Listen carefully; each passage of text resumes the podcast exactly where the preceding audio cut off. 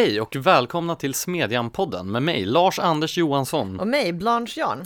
Vad ska vi prata om idag, Blanche? Vi kommer att tala om borgerligt bidragsfusk, om våld, om kvotering i militären och digitala bokbål. Men först vårt segment Hänt i veckan.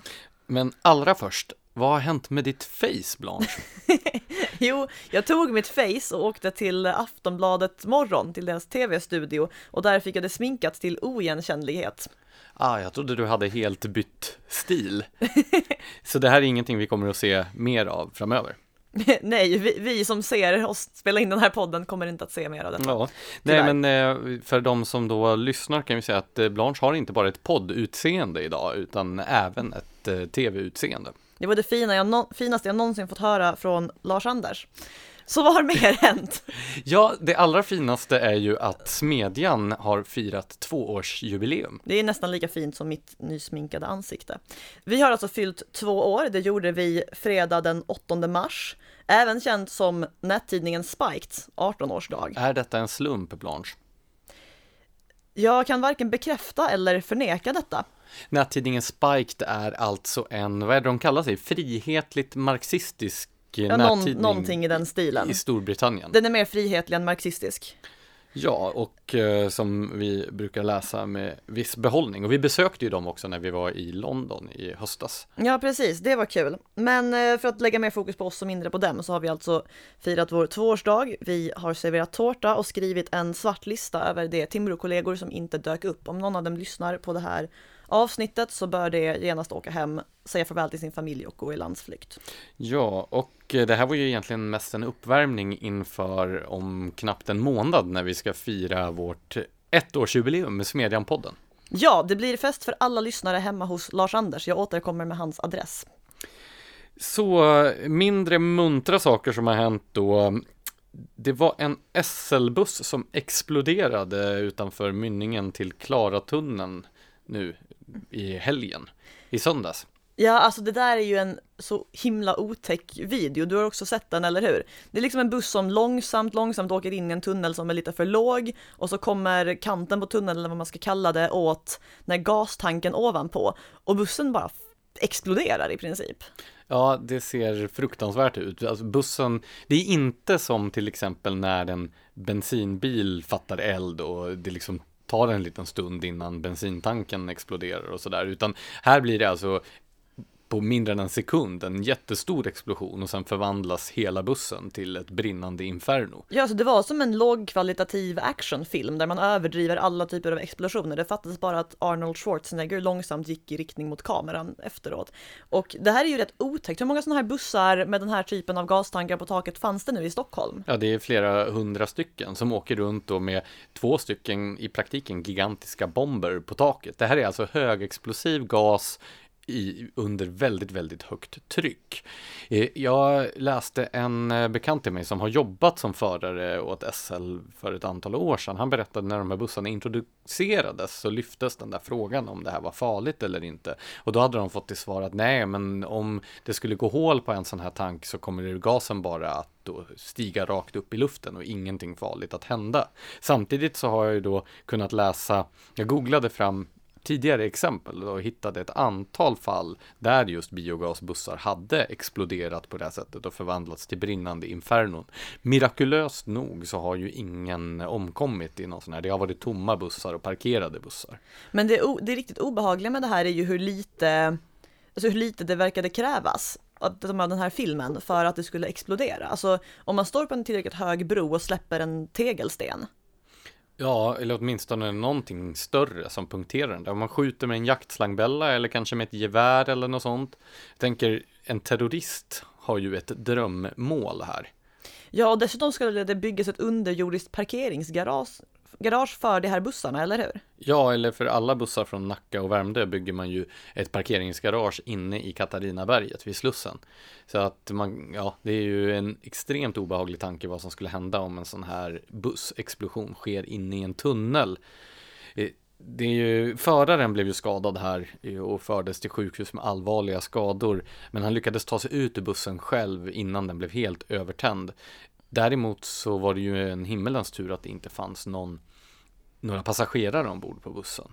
Det som kan förvåna mig lite, det är att samtidigt som som regeringen kallar till krismöte angående säkerheten med sådana här bussar så går då olika företrädare från biogasbranschen ut på Twitter och försöker så tona ner allvaret, allvaret i den här händelsen och säga att nej men det är ingen fara bara man inte kör fel så som chauffören hade gjort. Han hade ju kört på ett ställe där man inte kan köra och det var därför han körde in i den här varningsskylten som hängde. Men jag menar, mycket, mycket kan ju hända och gå fel i trafiken så att eh, det är ju inte riktigt en betryggande ett betryggande argument. Nej, alltså om man ställer det här i kontrast till vad man kunnat läsa den gångna veckan om att en specifik Boeing flygplansmodell har tagits ur bruk i, av jag tror flera flygbolag har dessutom förbjudits i olika länders luftrum eftersom det varit två olyckor med flygplanstypen inom loppet av sex månader om jag minns rätt. I kontrast till hur många av de här bussarna som ju också verkar vara en allvarlig fara för den som sitter i den, som fortsätter åka runt i Stockholm, så är det lite märkligt. Ja, sen är det ju naturligtvis så att sannolikheten att man ska sitta i en buss som exploderar och förvandlas till ett brinnande inferno är ju fortfarande väldigt låg. Det är bara det att om en sån här buss råkar ut för en olycka så verkar det som att konsekvenserna blir oerhört mycket allvarligare än om en vanlig buss råkar ut för en olycka. Helt enkelt för att man har då högexplosiv gas i, under hårt tryck i stora tankar på taket. Ja, och efter all uppmärksamhet den här exploderande bussen fick så tänker man ju också att den som skulle vilja orsaka den sortens skador nu har ganska lätt att ta reda på precis vad den personen skulle kunna göra och det är inte heller jättebetryggande. Nej, jag tror väl kanske att biodiesel har, har fått ett uppsving i, i mångas ögon i jämförelse med biogas som lösning. Jo, förmodligen och förhoppningsvis. Andra mindre muntra nyheter kommer ju från Liberalernas landsmöte som ägde rum i helgen. Vad hände där Blanche? Eh, det som det har fått uppmärksamhet för mycket är ju förutom Liberalernas eh, imponerande låga siffror i olika typer av mätningar. Eh, det är ju att eh, deras eh, toppnamn på EU-vallistan och generella liberala stjärnskott Cecilia Wikström har petats från denna lista. Och det här har skapat dålig stämning i partiet har jag förstått. Ja, det fanns ingen där tidigare, så det, det är nu den dåliga stämningen har kommit. Och hur eh, motiveras den här petningen? Ja men så här ligger det till. Cecilia Wikström hade, och det här är tydligen någonting många EU-parlamentariker gör, eh, haft sidouppdrag. Hon satt i styrelsen för de två företagen eh, Beijer Alma och Elekta. Och eh, det tillsammans eh, cashade hon in ungefär lika mycket på som de 80 000 hon tjänar på sitt uppdrag som eh, parlamentsledamot i EU-parlamentet. Och det här väcker ju frågor om om eventuella här, kluvna lojaliteter, det här är ändå storföretag det gäller och kopplingar mellan big business och politik inte alltid så positiva ur liberal synpunkt.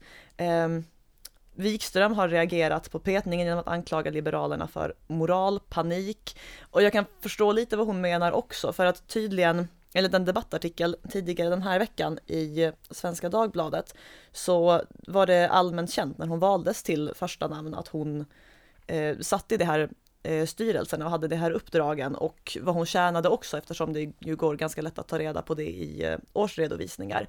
Så att så fort det blir en medial grej så får Liberalerna plötsligt panik och petar henne. Ja, jag kan fatta att hon tycker det är en aning ja, men, provocerande. Så du tror inte att det här är ett eh, bekvämt sätt för hennes fiender att bli av med henne då? Alltså det skulle ju vara ett väldigt bekvämt sätt. Eh, sen är jag ju inte den konspirationsteoretiskt lagda typen alls, men eh, could be. Frågan är bara fiender inom Liberalerna eller fiender till Liberalerna som har insett att de har så få toppnamn kvar i partiet vid det här laget att det snart är borta. Alltså Liberalernas värsta fiender är väl de själva, tänker jag. jo, jag förstår vad du menar. Ska vi eh, ta tag i eh, dagens ämnen? Ja, precis. Du har ju skrivit en lite märklig artikel där du argumenterar för att det skulle vara värre när borgerliga politiker bidragsfuskar än när andra politiker bidragsfuskar. Och det här är ju då med anledning av en annan liberal, nämligen Emma Karlsson Lövdal. Eller kanske man ska säga före detta liberal, för hon har ju då blivit politisk vilde i riksdagen. Precis, hon är utesluten eller har gått ur partiet men sitter kvar i rikets lagstiftande församling. Vad är det för en argumentationslinje du driver i din artikel, Blanche? rent kortfattat så är det ju, alltså det är ju alltid illa att bidragsfuska. Eller att så här, även bidragsplanera skulle jag säga, det vill säga att man ser till att få bidrag man egentligen hade kunnat klara sig utan, eh, utan allt för mycket obekvämligheter. Eh, men skillnaden är att om man står till vänster i politiken, då jobbar man ju för ett samhälle där det ska vara lättare att leva på bidrag och svårare att försörja sig själv. Så det är mer i enlighet med ens egna principer kan man säga att eh, ja, men att bidragsplanera till exempel. Men om du är borgerlig, då är du åtminstone rent principiellt emot ett samhälle där man lever på andra så att säga i onödan, när man hade kunnat låta bli och att då själv bryta mot, alltså om man då själv ser till att få bidrag man inte hade behövt eller bidragsfuska, då bryter man inte bara mot en generell skattemoral utan mot sina egna principer och ingen gillar en hycklare. Det är ungefär lite grann som när eh, borgerliga politiker kanske slarvar med att betala tv-listan, eller slarvade, nu har vi ju inte tv-avgift längre. Ja, alltså det där, det, det, finns ju en baksida eller en framsida beroende på hur man ser det av det här myntet och det är att skattefusk tvärtom är värre, som jag ser det, för en socialdemokrat att ägna sig åt än för en moderat. Och även skatteplanering. För en socialdemokrat som vill att man ska betala mer i skatt, den ska inte hålla så hårt i sin egen plånbok heller, för då är den personen en hycklare. Men, men jag tänker till exempel på det här båda statsråden som satt Eh, en vecka, tio dagar eller så i den första regeringen Reinfeldt och som fick avgå på grund av avslöjanden om eh, obetalad tv-licens och någon av dem hade haft en barnflicka svartanställd. Eh, och om ens egen moraliska utgångspunkt är att staten inte ska få tvinga en att betala för en tjänst man inte vill ha och inte har rätt till en del av en anställds lön, då blir det inte heller så att man bryter mot sin egen moraliska princip om man lever i enlighet med dessa övertygelser. Så om jag förstår ditt argument rätt så är det så att det är dubbelt fel om man både då bryter mot eller utnyttjar regelverket och bryter mot sin egen övertygelse när man gör det. Ja, alltså man bör ju åka på en lika stor nit rent juridiskt om det skulle bli ett juridiskt fall, men men rent etiskt har man gjort eh, någonting etter värre om man dessutom driver på för att andra ska leva på ett sätt man själv sen väljer bort. Alltså orsaken till att jag skrev om det här är ju det här fallet med Emma Karlsson Lövdahl som du nämner. Eh, hon det, det, här är ju under utredning nu, så det är osäkert om det här är bidragsfusk eller bidragsplanering, men vad hon hade gjort var att eh, du vet hur riksdagsledamöter får Eh, Eh, diverse olika förmåner. En av dem är att de som är bosatta utanför Stockholm har rätt till en övernattningslägenhet och då kan man få en viss ersättning för att finansiera en sån.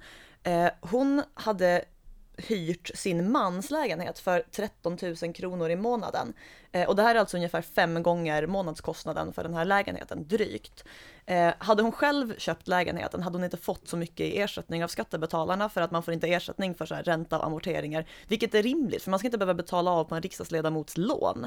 Eh, men eftersom hennes man är ägare till lägenheten och hon hyr den av honom för denna rätt orimliga summa att hyra någonting för en familjemedlem av eh, så kunde hon lyfta 8600 kronor i månaden eh, på skattebetalarnas bekostnad. Och då är alltså misstanken att de har satt den här ganska höga hyran inom familjen för att komma i åtnjutande av det här bostads tillägget. Det skulle ju gå att tänka sig ett, ett sånt lukrativt upplägg. Men och... hennes argument var att det var en marknadsmässig hyra. Och det här har det ju skämtats en del om. Hur, liksom, hur ser liberalers skär, kärleksrelationer ut egentligen? Där man håller på. Eh, jag tror det var Sanna Reimann som skrev i en krönika om eh, där hon spekulerade i att hon sitter och langar RUT och ROT-fakturor över köksbordet för, som ersättning för eh, då, olika typer av tjänster de gör varandra i hushållet. Ja, alltså familjen ska ju inte funka som en, den sortens marknadsekonomisk enhet. Det blir väldigt märkligt jag kan tänka mig att det, det är ett konstigt familjeliv om man kör det här fullt ut.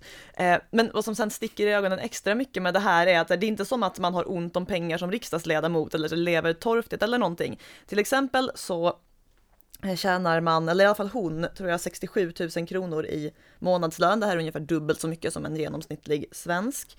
Eh, hon får ett traktamente på nära 400 kronor om dagen när hon jobbar i Stockholm. Extra tillägg för när hon sover i sin bidragsfinansierade övernattningslägenhet. Förlåt, hennes mans bidragsfinansierade övernattningslägenhet. Eh, man får guldkort på SJ och när hon slutar så eh, om hon sitter mandatperioden ut kommer hon att få en fallskärm som räcker fram till pensionen på nästan 10 miljoner kronor. Tror du att det här kan ha spelat in vid hennes beslut att inte bara lämna Liberalerna utan att även sitta kvar i riksdagen? Va, hur tänker du nu? ja, det, det, finns ju någonting som kallas för skattemoral och som är väldigt populärt framförallt bland socialdemokratiska debattörer att tala om. Och eh, det de tycks mena med detta, det är ju hur benägen man är att försöka betala en så stor del av sin inkomst i skatt som möjligt. Men jag driver ju då linjen att man också bör tala om skattemoral åt andra hållet, det vill säga vad skattepengarna används till. Och här tycker jag ju då, om vi höjer blicken från enskilda politiker och istället tittar på hur staten agerar så verkar den ju otroligt mycket mer mån om att det ska vara ordning och reda i den ände där pengarna drivs in från medborgarna och inte alls lika noga i den spenderande änden av statsapparaten. Jag tänker på våra granskningar i smedjan av Myndigheten för ungdoms och civilsamhällesfrågor till exempel, där det visade sig att de hade i princip noll koll på vad pengarna användes till, som då skattebetalarna surt hade fått bidra med. Ja, alltså det där är sant. Jag tänker att man kanske borde införa ett kontrastbegrepp till skattemoral och kalla det bidragsmoral. Alltså ska det vara, ska man ha någon sorts moralbegrepp att det är bra att betala skatt, då ska man ha något motsvarande moralbegrepp att det är dåligt att gå på bidrag. Det är ju så man skapar en, alltså fungerande statsfinanser och så. Mer in och mindre ut. Nu är jag ju emot att det kommer in mer pengar till staten också förstås. Men om man nu ska ha liksom ett, ett motsatsbegrepp. Jag tänker på det här ofta citerade och och nästan lika ofta missförstådda slagordet från arbetarrörelsen, alltså den tidiga arbetarrörelsen, nämligen gör din plikt, kräv din rätt. Där brukar ju borgerliga personer tolka det som att eh, det fanns en slags eh, då så här, sund moral inom arbetarrörelsen som gick ut på att man först skulle göra sin plikt och sen därefter skulle man kräva sin rätt. Men det som var själva budskapet i det här slagordet är ju att det är ens plikt att kräva sin rätt. Jag blev så jävla besviken när jag fick reda på det här, för jag hade verkligen trott att det här var någon sorts, eh, någon sorts symbol för att arbetarrörelsen hade så här bättre och värderingar för. Och sen får jag reda på att nej, plikten är alltså att sitta och kräva grejer. Så, kul. Ja, att kräva sin rätt behöver ju inte betyda att man ska kräva bidrag från det offentliga. Nej, det är utan... sant, det är mer arbetarrörelsen idag. Ja, Även känd som bidragstagare. Nej, men från början så handlar det ju naturligtvis om att kräva medborgerliga rättigheter som rösträtt och så vidare. Så att det, det är ju någonting som det går alldeles utmärkt att sympatisera med även som borgerlig. Däremot så kan man ju tänka sig att det här, alltså själva grundinstinkten, att det är ens plikt att kräva saker från andra, det kanske numera har spilt över även i den här bidragsomoralen, eller vad man ska kalla det. jo, ja, ja. Och även in i Liberalerna verkar det som. Gud vad vi återkommer till de stackars liberalerna här. Men du Men... har ju fler exempel på den här typen av hyckleri i din artikel. Kan du inte redogöra för några av dem? Ja, det var, det, det, var inte... det jag kände någon sorts moralisk plikt att göra ja, nu som inte Det här verkar. är ju inte ett fenomen som är unikt för liberalerna. Precis. Så, name and shame, Blanche. vad jag gör bäst. Nej men alltså det är ett återkommande exempel när man talar om den här sortens grejer är förstås eh, Margot Wallström, utrikesminister. Eh, jag tror det var Svensk Tidskrift som först lyfte frågan att eh, hon tjänade ungefär 27 miljoner kronor när hon var EU-kommissionär. Då inte i månaden utan över hela perioden, men det är ändå en ansenlig summa pengar. Och sen återvände hon till Sverige, deltog i valrörelsen 2014, Eh, där hon sade vi är inte bara individer som är intresserade av lite mer i plånboken, utan vi är också intresserade av hur vi utvecklas som land. Och sen visade det sig då att hon har valt bort att betala skatt i Sverige på de här 27 miljoner kronorna. Med andra ord verkade det som att hon var lite mer intresserad av sin plånbok och lite mindre intresserad av hur Sverige utvecklas som land. Eh, och hon är ju då socialdemokrat. Eh, vi har en vänsterpartist också, eh, mer på temat bidragen skatt. Eh, Linda Snäcker, hon dyker ju upp ibland i debatten, eh, en, en färgstark person. Eh, hon, jag tror det här också var, jag tror det här var 2015, möjligen 2016, som hon var föräldraledig eh, och man man får ju en rätt bra ersättning för det. Men sen pausade hon sin föräldraledighet när regeringen tog sommarledigt. Så då fick hon lön från regeringen som man får under ledigheten utan att behöva dyka upp i riksdagen och jobba. Och sen när riksdagen öppnades igen, då återupptog hon plötsligt sin ledighet. Det är det här jag menar med bidragsplanering för övrigt, ett bra exempel. Det är inte så att hon fuskade tekniskt sett, men det är ju fortfarande att se till att planera så att hon maximerar vad hon får ut av skattebetalarnas pengar. Men det här är ju den vanliga vänsterreflexen, att man menar att de här principerna som ska gälla för andra inte ska gälla för en själv eftersom man tillhör någon slags avantgarde. Det finns ju hur många exempel på detta som helst från den socialistiska historien. Che Guevaras Rolex-klocka till exempel, eller Ceausescus 2000 kostymer. Det är ju det är mer regler egentligen undantag detta. Det var i eh, The Animal Farm som eh, George Orwell har den här devisen att eh, alla djur är jämlika, men vissa är mer jämlika. En annan grej som är intressant i det här sammanhanget är förresten att det finns liksom, tycker jag, när man pratar om de här frågorna, två olika borgerliga linjer i hur man ska ställa sig till eh, olika typer av bidrag, försäk statliga försäkringar och ersättningar.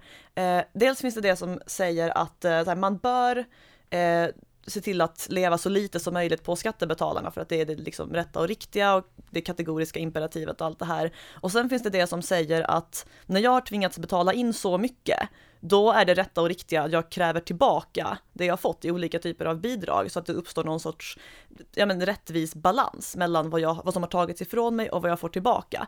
Och det där är ju en intressant, alltså en intressant fråga, vad som egentligen är det rimliga agerandet moraliskt. Jag håller egentligen på den första linjen själv. Pliktmoralen.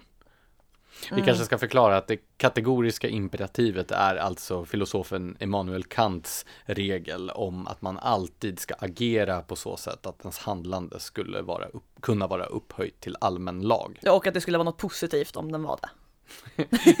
den, den lilla detaljen, Bra fast man är väl dum i huvudet om man agerar, om man vill upphöja till allmän lag. Ja, och ingen är som... ju dum i huvudet, eller vadå? Ska vi gå vidare till nästa ämne? Ja, låt oss göra det. Du har ju eh, plockat upp en gammal käpphäst och skrivit en text om det eskalerande våldet. Vad fick dig att skriva den här texten?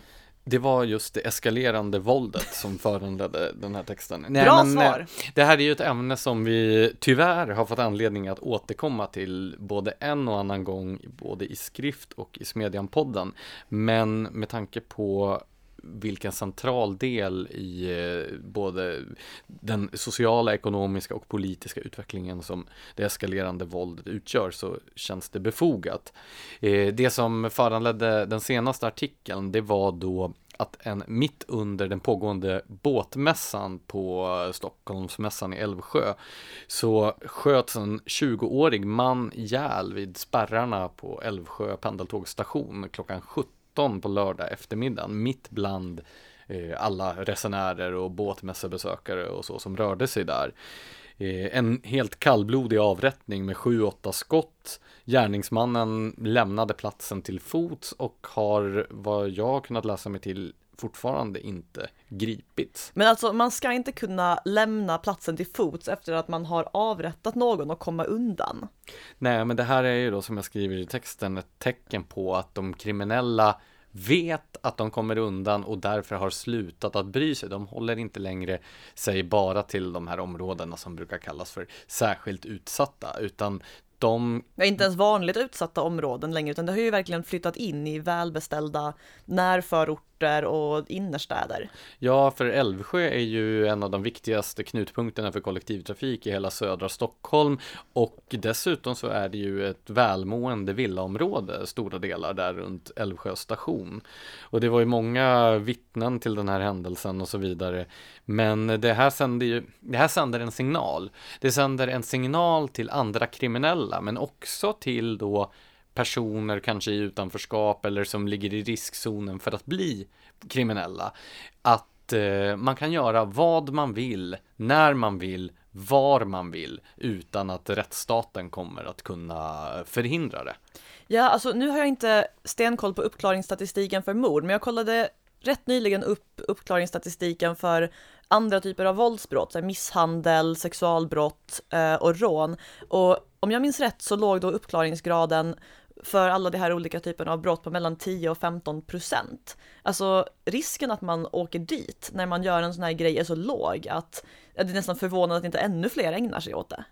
Ja, och i ljuset av eh, hur det ser ut rent ekonomiskt och socialt i vissa av de här områdena eh, runt omkring våra storstäder så är det ju begripligt då att ett kriminellt liv är ett lockande karriärval för för många. Om risken också att åka fast för kriminella handlingar är så otroligt liten. Ja, sen när man åker fast så får man en så här lyxlägenhet i Malmös innerstad på skattebetalarnas bekostnad. Så det låter inte så farligt det heller. Det sänder ju också en signal till vanliga, hederliga, nettobetalande medborgare om att de inte längre är skyddade av rättsstaten. Så att eh, det som vi har lyft tidigare, nämligen frågan om medborgargarden och grindsamhällen och så vidare, det är ju, det är bara en tidsfråga innan det är mer regel än undantag skulle jag tro. Ja men alltså det blir så skevt när man har ett samhälle där det, där det är de laglydiga människorna som har anledning att vara rädda och inte brottslingarna. Alltså jag tycker ju att den som är kriminell ska gå runt och vara rädd, liksom rädd för att åka dit, rädd för att någon den attackerar slår tillbaka, alltså den, den ska liksom vara rädd. Men en vanlig laglydig människa ska inte behöva känna den här rädslan. Det är liksom jättefel när det här har skiftat. Ja, och precis som vi har påtalat tidigare i smedjan så var det ju bara en tidsfråga också innan våldet skulle flytta ut från de utsatta områdena och eh, in i medelklassförorten. Och det är ju inte längre bara så att det handlar om eh, den här typen av avrättningar, alltså uppgörelser i den kriminella världen, utan vi har också sett ett ökande våld som riktar sig mot den hederliga arbetande medelklassen.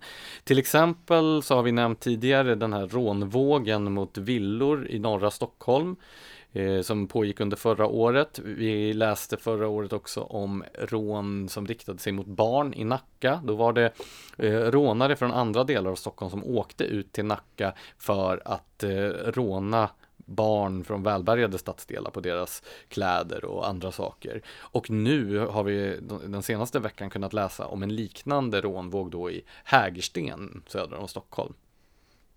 Där polisen bland annat uppmanar barn att de ska samåka till fotbollsträningarna för att de inte ska bli rånade. Och man uppmanar också människor i den här stadsdelen att eh, inte ha på sig värdesaker för då kanske de kan komma undan.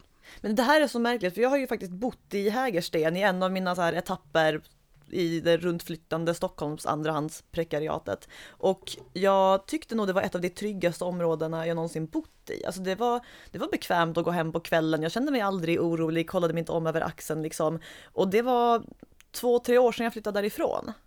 Så i så fall måste ju utvecklingen ha eskalerat rätt snabbt, alltså det är ju otäckt att tänka sig.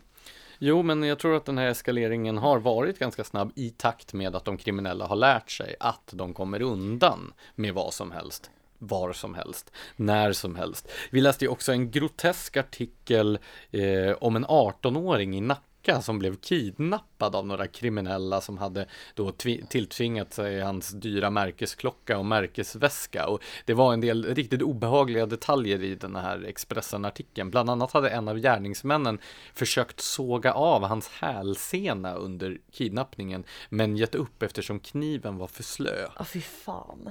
Jag hoppas ingen av våra lyssnare satt och åt nu eller så, men det där är ju riktigt obehagligt. Samtidigt får jag lite känslan baserat på vad jag har läst om den här, det här fallet och nu liksom, nu har jag kanske inte läst allt som skrivits, men om jag förstår det rätt så hade en bil kört upp till den här killen och någon i bilen hade sagt typ hoppa in, vi har ett jobb åt dig eller så.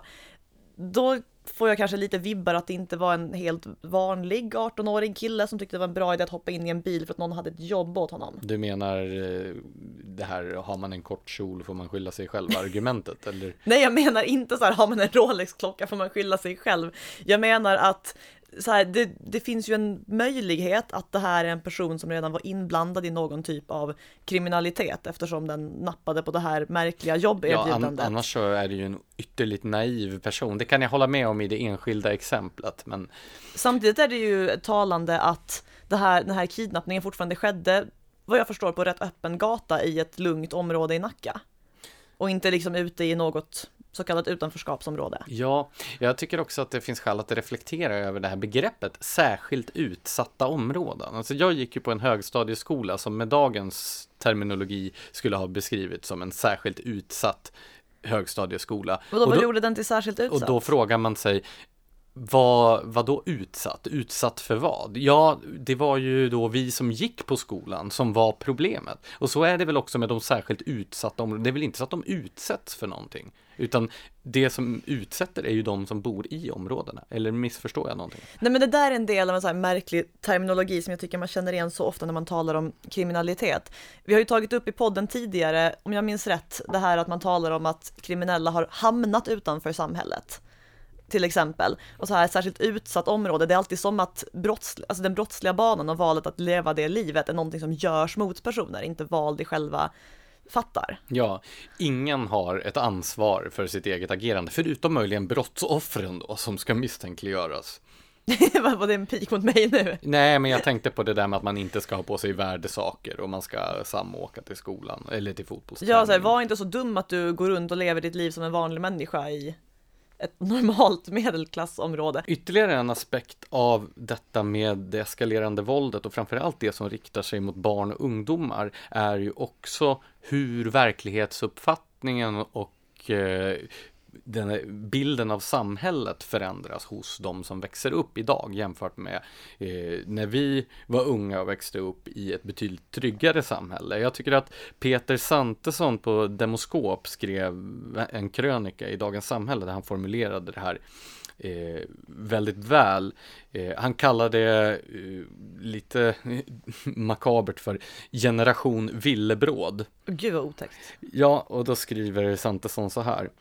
Uppväxtåren formar oss. Det kommer, som det heter, att bli intressant att se vilka politiska uppfattningar som etableras hos en ungdomsgeneration som funnit sig vara oskyddat villebråd utanför hemmets väggar. Det som för mig är helt nytt och chockerande landskap som rusar förbi utanför fönstret är bara deras normaltillstånd. Deras reaktioner kommer att för dem bli normen för det nya, helt normala. Alltså det som är obehagligt, alltså det här är ju obehagligt i sig, men extra obehagligt är att jag påminns när jag hörde här om eh, det jag har läst om, eh, ja men du vet vad man kallar sig snöflingegenerationen, alltså det som har vuxit upp personer, ja men typ mellan din och min ålder, som har vuxit upp med så här överbeskyddande föräldrar, det har varit mycket mindre så här umgås med andra människor och lek bland andra barn och mycket mer så här, ja men det har varit mer curlade och det misstänker många forskare har gjort det mer ängsliga av sig och liksom, ja men mer lite smått paranoida för andra saker och sen kommer den här verkligheten och liksom bekräftar det här de fått lära sig som när de fick lära sig det kanske var fel. Så risken är att generationen som blir, alltså barnen till generationen som växer upp nu, man blir ju orolig för vad som kommer hända med dem egentligen. Alltså jag skulle väl tro att om inte de rättsvårdande myndigheterna får ordning på det här eskalerande våldet bland barn och unga så kommer även barn och ungdomar i då det som tidigare var trygga och stabila områden att tvingas bli våldsammare och hårdare själva för att möta den här hotbilden. Så att jag tror att vi kan se en väldigt oroväckande spiral framöver. Ja, Ska vi gå vidare till en artikel som du skrev som väl också anknyter delvis till våld och mer på en abstrakt nivå. Och på ett mer positivt sätt. Nämligen om rikets väpnade styrkor och deras eh, nya dragning till könskvotering. Ja, alltså jag begick det här misstaget som man ibland gör att gå in på Facebook på internationella kvinnodagen och eh, fick se följande inlägg från den svenska försvarsmakten. Nu citerar jag. Hur kan ett av världens mest jämställda länder ha en försvarsmakt där knappt en femtedel är kvinnor? Det är inte försvarbart. Vårt arbete för att bli, ett, för att bli mer likt det land vi försvarar fortsätter. Ett jämställt försvar är ett starkare försvar. Svaret på den här inledande frågan som Försvarsmakten ställer, alltså hur det kan komma sig att knappt en femtedel är kvinnor, det är ju att Försvarsmakten än så länge tillämpar meritokratiska principer och bedömer alla sökande på samma meriter och bland de sökande är det då fler som klarar kraven som är män än som är kvinnor. Eh, det har till exempel att göra med att det vad så här, vissa genusvetare än vill tro existerar biologiska könsskillnader. En av dem handlar om muskelstyrka. Eh, sen kan man förstås vara lite så här särartsfeministisk och invända att kvinnor har andra styrkor och det måste fås in på ett eller annat sätt. Men om redan nästan en femtedel av försvarets anställda är kvinnor, som då kan antas både ha dessa styrkorna och klara de fysiska testerna, så blir det väldigt fel om man ska börja kvotera in andra kvinnor, ifall det nu är dit vi är på väg, eftersom det kommer att misstänkliggöra även de kvinnor som har kommit in utan att ha behövt liksom få en räkmacka in. Sen finns det naturligtvis befattningar inom Försvarsmakten också där just fysisk muskelstyrka inte är den avgörande kvalifikationen. Och där kanske det bör vara andra typer av krav som ska, ska ligga till grund för vem som antas. I anknytning till det här så tänker jag till exempel på eh, ett citat från eh, den dåvarande marknadschefen på försvaret, Robert Fors, som för två år sedan sa så här. Eh, vi vet att ju starkare vi visar upp uniform, kamouflage eller stridsliknande situationer, ju mindre tilltalade känner sig kvinnor. Där gör vi aktiva val och försöker lyfta fram den mänskliga aspekten. Yrket är inte vapnen utan människorna. Men alltså, försvarets uppgift är till syvende och sist att försvara Sverige och det är någonting som involverar uniformer, kamouflage och stridsliknande situationer. Så det är ju bra om försvarets anställda känner sig tilltalade av detta och inte någon sån här mjuka värden och mänskliga aspekter mysvariant. Men varför tror du att Försvarsmakten tycker att det är viktigt då att det ska vara ett statistiskt lika utfall vad gäller antalet könsorgan på arbetsplatsen snarare än... antalet köns... Alltså alla har ju ett. Jo, men av olika skiftande slag. Fint uttryckt. Så här, beroende på hur cynisk man vill vara, så här, ändra har det helt enkelt köpt diverse ideologiska ståndpunkter. Eh, du vet så här utfallsjämlikhet istället. Alltså idén att jämlikhet ska handla om en lika fördelning i utfallet snarare än lika möjligheter.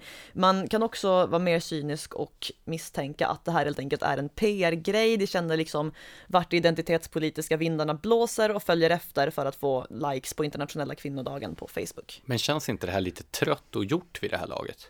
Ja, men så trött och så gjort. Alltså, det, den här orsaken till att jag sa att man inte ska gå in på Facebook på internationella kvinnodagen är just för att så här, varenda butikskedja har ju någon så här kvinnodagsrabatt eller försöker så här, kapitalisera på detta på ett eller annat sätt. Det är ju, det är ju så uttjatat det bara kan bli.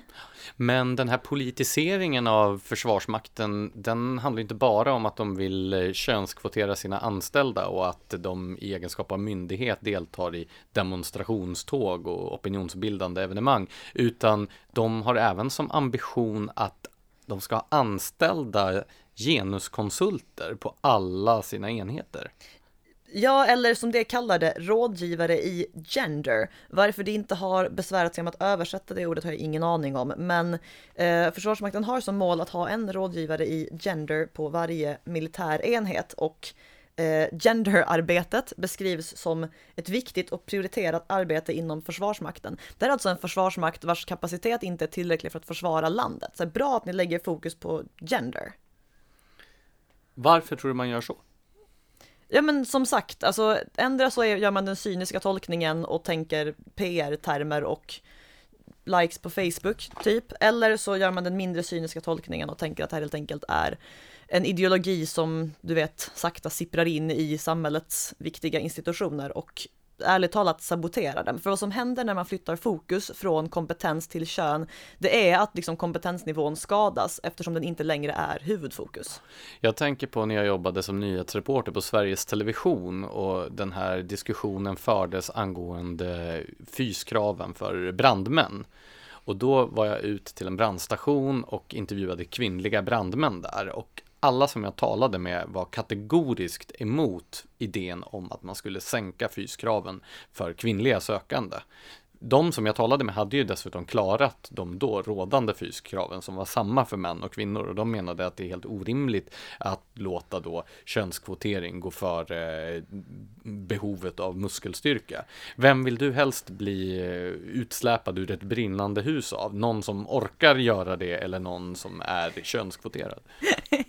Jo, nej men alltså det där är ju precis vad det handlar om och just vad gäller till exempel brandförsvar polisen och försvarsmakten så blir det ju extra problematiskt eftersom det verkligen, så det är illa nog om ett, eh, om ett eh, stort börsbolag tvingas kvotera in personer på grund av kön snarare än kompetens. Det kan, säga, det kan orsaka ekonomisk skada, det kan skada investerare etc. Men skadan som kan göras om personer som på riktigt jobbar med att rädda liv inte har liksom förmågan att göra det ordentligt, den är väldigt mycket större och allvarligare. Men det är den här konstiga grejen om att man bara vill att det ska vara någon slags sådär eh, söderhipsters som ska vara i alla former av befattningar i hela samhället. Jag minns när Anders Ygeman ondgjorde sig över att han tyckte att det var ett problem att eh, män från landsbygden med militär bakgrund var överrepresenterade inom polismyndigheten. Och jag känner så här att det finns väl ingen grupp som verkar liksom mer lämplig att bli poliser än just män från landsbygden med militär bakgrund. Jag tycker det, det låter jättebra att det är i polisen. Alla vet att män från landsbygden är det bästa. Ja, och en militär bakgrund är väl också ganska bra om man ska vara ute och upprätthålla lag och ordning, tänker jag mig. Man skulle kunna tycka det. Men det här genomsyrar hela samhället och jag tänker att det hänger väl ihop med en slags naiv föreställning tror jag om att man ska kunna få bort våldet helt och hållet ur samhället, vilket ju blir lite ironiskt med tanke på det vi talade om nyss med gängkriminalitet och så vidare. Men jag tycker att framför allt på den politiska vänsterkanten, men också i somliga liberala läger, kan man iaktta en sån här vilja att Först så professionaliseras våldsutövningen i samhället till då några få yrkesgrupper, det vill säga poliser, militärer och väktare. Och sen går människor omkring och i dessa gruppers beskydd, alltså personer som har ett väldigt litet eget våldskapital och som skulle klara sig väldigt dåligt om de inte skyddades av poliser, militärer och väktare. Och sen går de runt så länge och är skyddade att de intalar sig att de inte längre behöver det här beskyddet och då börjar de angripa de här myndigheterna som hela deras existens i själva verket är beroende av. Antydde du nu att genusvetare har ett lågt våldskapital? Jag nämnde inte genusvetare överhuvudtaget. Jag Nej, men jag har ju nämnt dem. Jag nämnde människor som då vill undergräva militärens och polisens och kanske vaktbolagens förmåga att utöva sina, sina uppgifter. Ja, men dels tror jag det handlar om det, men dels är det ju också det här att när, alltså jag vill inte så här, hålla på och tjata om begreppet fredsskadad eller så, men när man rätt länge har kunnat känna sig rätt trygg, då kanske folk utvecklar en sorts misstänksamhet mot våld. Man tänker så här, det finns ju inget, ingen försöker angripa Sverige och ändå vill ni gå runt där med vapen och liksom ägna er åt militära grejer och lära er våld. Så här, vad, är, vad är det egentligen för fel på er typ? Att det uppstår en, den sortens misstanke. Ja, jag tror det kan ligga någonting i det. Ska vi gå vidare till vårt sista ämne? Eller Låt oss göra något... det. Du har ju, jag tror du har skapat den här termen själv, eller? Digitala bokbål. Alltså, det är ju en förträffligt träffande metafor, så det måste ju vara jag som har kommit på den. Det kan vara så att jag har hört den någonstans, jag är osäker. Ödmjukaste chefredaktören i hela Sverige har talat. Vad menar du då med digitala bokbål? Jag var inbjuden till eh, Opinion Live, det här eh, debattprogrammet i Sveriges Television i förra veckan för att diskutera eh, om man ska eh, ta bort eh, verk, konstnärliga verk, alltså musik och litteratur och så, som är skapade av upphovsmän som har gjort moraliskt förkastliga saker.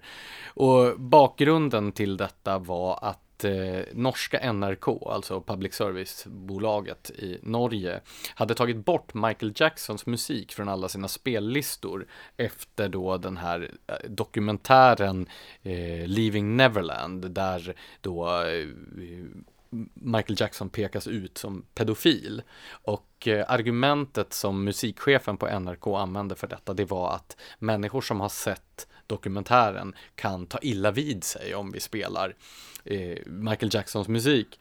Och sen fick man massa kritik för det här och då tog man tillbaka Michael Jacksons musik till, till spellistorna. Ett annat aktuellt exempel är ju då eh, artisten R. Kelly som har uppmärksammats i en dokumentärfilm som heter Vi överlevde R. Kelly, där massa kvinnor vittnar om övergrepp och andra saker som han har ägnat sig åt.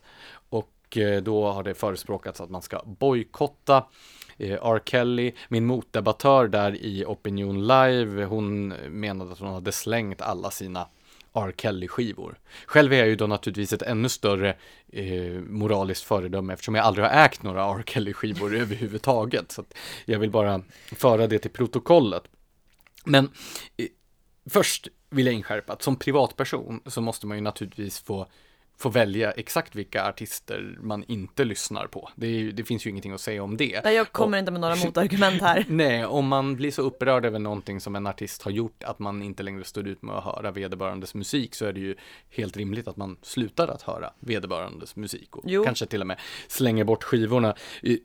Personligen så skulle jag väl tycka att det vore väldigt torftigt. Om jag skulle göra en sån här utrensningsaktion i mina bokhyllor och skivställ och så vidare eh, utifrån upphovsmännens moraliska vandel så skulle det bli väldigt tomt i hyllorna och skivsamlingen. För, för det första, de flesta författare jag läser och artister jag lyssnar på, om deras privatliv vet jag ju i princip ingenting.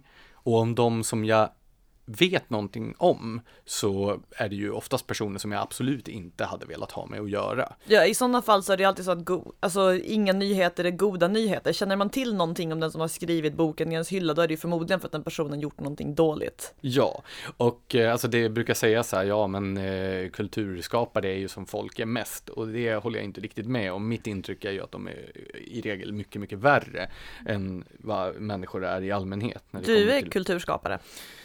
Eh, men det finns ju naturligtvis alltid undantag. Sen så förs det ju en diskussion här om man ska kunna skilja på på verk och person. Och ja, det är naturligtvis väldigt viktigt. Jag menar, förkastliga individer som lever ett förkastligt liv kan ju skapa, eh, skapa stor konst. Men det finns ju också verk eller sammanhang där man inte kan skilja verket från personen. Det vill säga en förkastlig individ som lever ett förkastligt liv och som även skapar verk med förkastliga eh, ståndpunkter, men som ändå har ett konstnärligt värde. Jag menar, ska vi bara hålla på och läsa böcker och lyssna på musik som är moraliskt uppbyggligt så tror jag också att det skulle vara extremt förödande. Ja, som moraliskt uppbygglig musik, vad återstår då? Så kristen rock? Ja men typ. Det, det är ju förskräckligt trist musik. Ja, ja, särskilt om det bara är det som man skulle få, få lyssna på. Eh, nej men det här också med krav på att man ska bojkotta artister och författare på grund av saker de har gjort i sitt privatliv. Det är ju en ganska sen eller ett sentida fenomen som eh, jag sätter i samband då med den här deplattformiseringsstrategin som används av vissa politiska påtryckningsgrupper där personer som man ogillar antingen av politiska skäl eller andra skäl ska berövas sina plattformar. Ja, alltså det kom ju en tidigare våg av det här i samband med metoo-rörelsen som jag skrev om då. Eh, då var exemplen eh, det var tre exempel jag framförallt skrev om. Eh, komikern Louis CK, han eh, hade onanerat i ett olämpligt sammanhang och eh, som, eh, som reaktion, du ser jättekonfunderad ut nu. Nej, jag försökte tänka på vilka lämpliga sammanhang det blir. Nej, det är jag, jag bara. Så låt oss snabbt gå vidare och konstatera att eh, hans stand-up shower försvann från HBOs betaltjänst och en film där han eh, skrivit manus och medverkat i själva filmen portades från amerikanska och svenska biografer som reaktion på det här. Eh, Martin Timell, eh, hans program Äntligen Hemma, försvann från TV4s streamingtjänst efter att han anklagades för ett sexuellt övergrepp i en badtunna. Han var alltså inte dömd för någonting utan det hade riktats en anklagelse mot honom. Det, det här påstådda övergreppet ska ha ägt rum i badtunnan, inte själva anklagelsen. Bra förtydligande, för annars hade det varit så viktigt att jag nämnde att anklagelsen kom i en badtunna. Okej, okay, slutligen eh, Kevin Spacey, skådespelaren i House of Cards. Eh, eller alltså i princip skådespelaren som är House of Cards. Var jag, House of Cards. Ja, nu har ju House of Cards dött i det att han lämnade det. Men i alla fall, han anklagades för sexuella övergrepp och baserat på dessa anklagelserna så avlägsnades han ur eh, den här serien. Och det här visar ju då på skillnaden mellan om man agerar som privatperson eller om man är ett medieföretag eller en, eller en organisation. Som sagt, som privatperson så måste man ju få bojkotta vem man vill på vilka grunder man vill. Det är ju helt oproblematiskt. Det är ju bara konsumentmakt som man använder. Däremot, om man är ett medieföretag eller en organisation, då behöver man formulera någon slags generell princip som man ska utgå från när man ska välja att lyfta bort verk.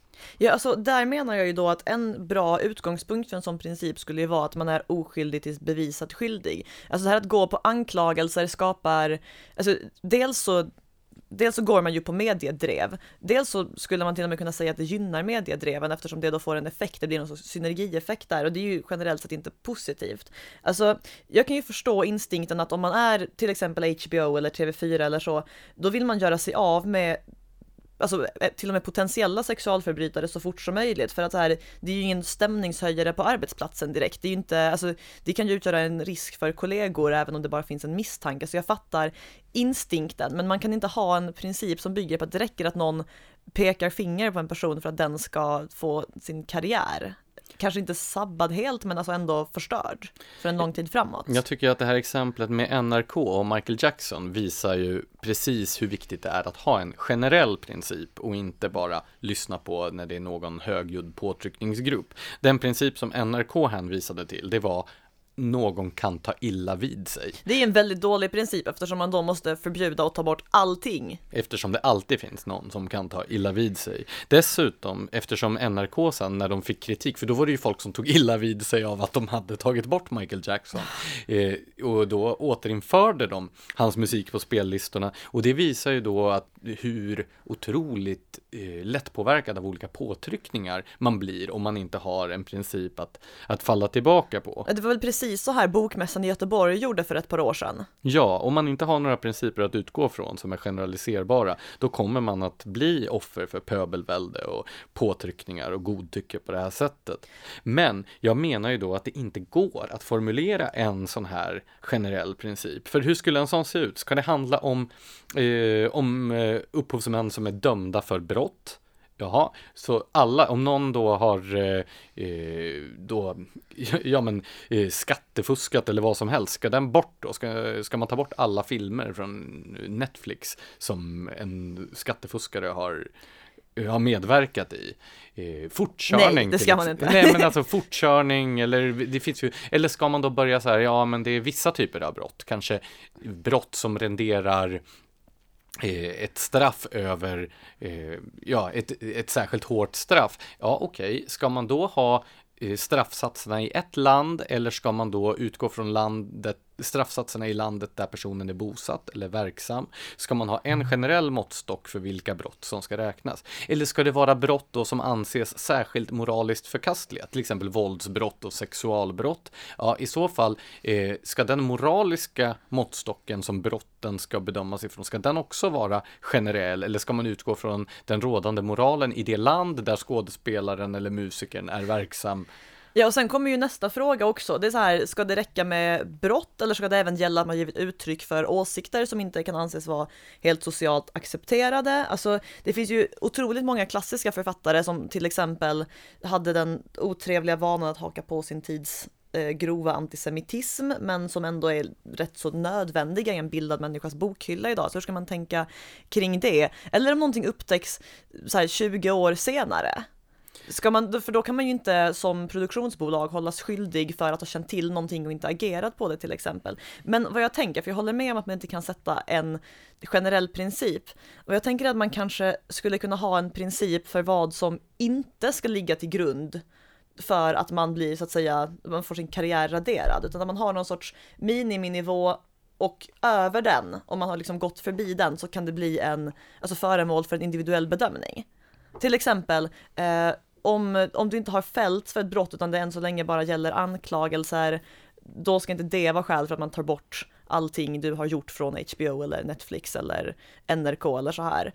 Eh, om det har gått längre än så, typ en rättsprocess, då kan man titta på det enskilda fallet. Då är man halvvägs till en princip, tänker jag. Och vad ska syftet med den principen vara? Nej men så här, om man ska ha en princip, men inte kan utforma en princip som funkar, då är det bättre att ha en halv princip. Men eh, då skulle ju till exempel, ja men Marquis de Sade som ju satt inspärrad 28 år av sitt liv för uh, olika typer av uh, brottsliga verksamheter och som dessutom var i högsta grad en moraliskt tvivelaktig figur. Han skulle väl då falla offer även för en sån princip? Eller Jo men om man kompletterar den med att det kanske finns, ja men så här, hundra år senare kommer man på att nej förresten, Valerie Solanas skummanifestet skulle väl knappast heller passera genom det nålsögat. Nej, definitivt inte. Eller så här Sid Vicious.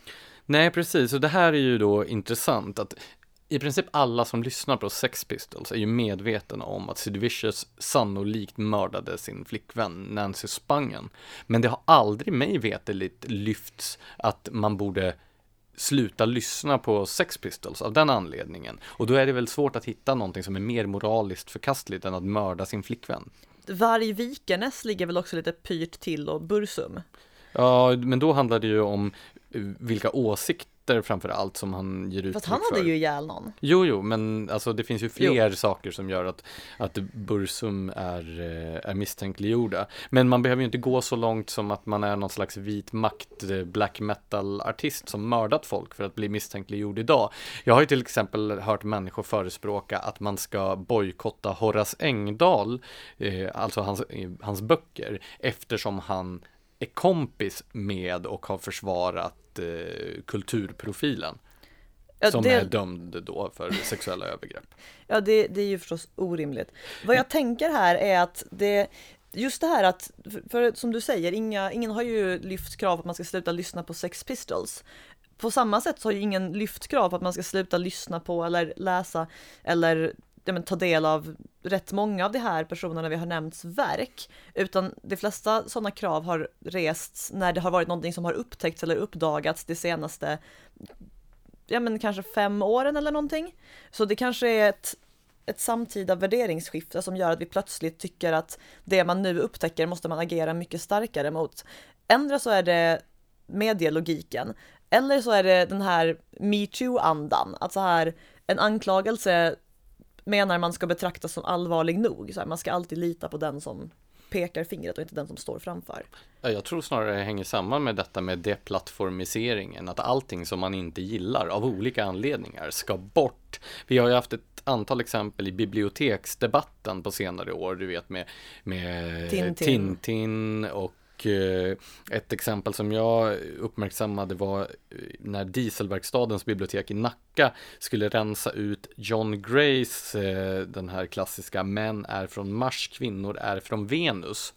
Eh, De skrev i en eh, statusuppdatering på sin Facebook-sida och frågade sina följare då om de skulle ta bort den här boken eftersom den gav uttryck för, enligt då bibliotekarierna, en förlegad syn på könsroller. Åh gud. Och det här strider ju dessutom mot eh, bibliotekslagen som slår fast att biblioteken ska verka för fri åsiktsbildning. Men eh, det finns ju ett antal exempel från senare år på bibliotekarier som inte är lika sugna på fri åsiktsbildning. Själv menar jag ju att liksom även den värsta giftskåpslitteraturen ska finnas tillgänglig. Inte bara Tintin i Kongo utan även Lenin och Adolf det finns Hitler värre och... saker än Tintin i Kongo, säger du? Jag tänkte på till exempel Adolf Hitlers Mein Kampf är väl svåröverträffad i genren giftskåpslitteratur, men den har ju definitivt ett, eh, ett värde som historisk referens. Så ska man börja rensa ut allting som man tycker illa om så kommer vi ju att bli väldigt mycket trångsyntare och naivare. Med tanke på att jag inte riktigt ser någon trend som pekar i motsatt riktning, hur mycket värre kommer det att bli, tror du? Det kommer antagligen att bli värre innan det blir bättre. Men det bästa sättet att förebygga sånt här är ju naturligtvis att bygga upp sitt eget bibliotek hemma. Ja, alltså det där gäller ju inte längre bara böcker utan även musik och filmer märker jag. Alltså vill man lita på att man har tillgång till någonting räcker det inte att ha ett par abonnemang utan man måste ju ha det i sin fysiska ägo för att inte någon ska upptäcka att en biroll spelades av en person som är anklagad för någonting och så plötsligt försvinner filmen. Ja, jag tänker att eh, det har ju en viktig, eh, en viktig betydelse också ur ett slags krisberedskapsperspektiv. När elnätet går ner kommer man vara tacksam för sin boksamling, tänker jag. Ja, gud ja. Eh, För att eh, travestera talibanernas motto, det där, ni har klockor, vi har tid, så kanske man ska säga, ni har konservburkar, men vi har böcker. Det där kan vara bland de bästa orden vi fått en chans att avsluta ett eh, avsnitt på. Sug på den, Anders Lundvall. Ja, eh, ska vi gå över till det avslutande segmentet med eh, lyssnarkommentarer. Jag fick ju ett upprört mejl från en eh, partitjänsteman i partiet Liberalerna som vi har haft anledning att återkomma till flera gånger under det här, under det här avsnittet och eh, han var upprörd eftersom vi hade eh, hade då eh, ondgjort oss över socialborgarrådet i Stockholm, liberal, som eh, hade uttalat sig med anledning av de här IS-återvändarna. Och eh, då frågade han om vi drev en kampanj mot Liberalerna i Stadshuset. Eh, detta också för att vi tidigare har kritiserat Alliansens samarbete med Miljöpartiet i trafikpolitiken. Men alltså vi driver ju inte en kampanj mot några liberaler, vi driver en kampanj mot dem som bedriver dålig politik. Ja, alltså det finns nog inget alliansparti, eller annat parti heller för den delen, som vi inte har kritiserat eller skrattat åt eller på annat sätt försökt eh, kritisera. Jag skulle till och med våga chansa på att vi har gett Moderaterna mer skit än Folkpartiet, Liberalerna. Jo, det har ju faktiskt hänt att moderater också har hört av sig och undrat om vi driver en kampanj mot dem. Och till eventuella moderater eller liberalpartister som sitter och lyssnar på den här podden. Nej, vi är inte ute efter er. Vi vill bara att ni ska bli lite frihetligare. Så bli gärna det och eh, tack så mycket för att ni har lyssnat. Ha en trevlig helg!